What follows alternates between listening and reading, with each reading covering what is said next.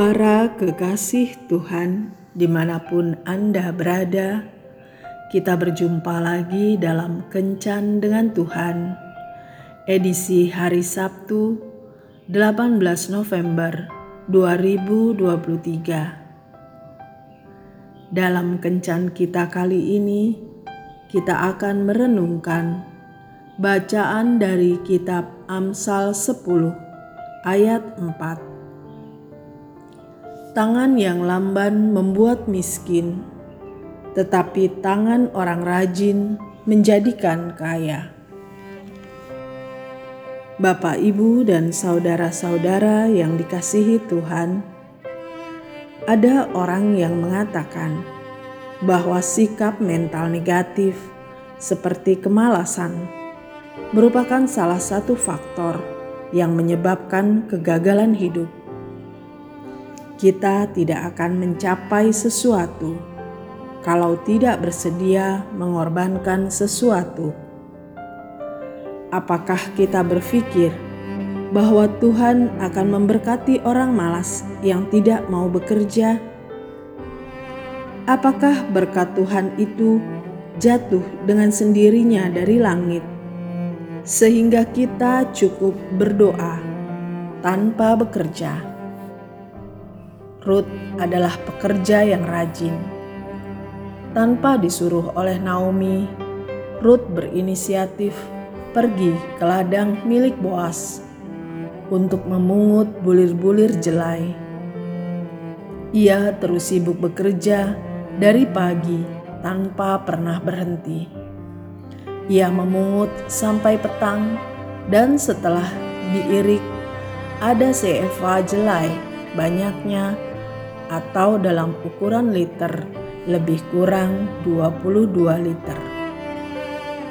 Ada orang yang memiliki beberapa prinsip di dalam hidupnya. Di antaranya, kerjakan semua yang baik yang engkau dapat kerjakan. Lakukan dengan segala cara yang dapat engkau lakukan. Ruth mengerjakan dengan baik, tekun, dan rajin apa yang dapat ia kerjakan saat itu. Kita sering memilih untuk tidak bekerja daripada mengerjakan pekerjaan rendah yang menurut kita tidak cocok, meskipun pekerjaan itu baik dan halal. Kita mendapatkan pekerjaan yang wah, tetapi tidak mau mulai mengerjakan dengan rajin pekerjaan yang kecil-kecil dulu atau pekerjaan apa saja yang dapat kita kerjakan saat itu. Tuhan akan memberkati orang-orang yang mau berusaha dan rajin bekerja. Apa pun yang dapat kita kerjakan saat ini, kerjakanlah itu dengan tekun dan rajin. Karena mungkin saja Tuhan sedang melatih dan mempersiapkan kita untuk naik ke jenjang yang lebih tinggi dan mencapai suatu keberhasilan yang besar kelak.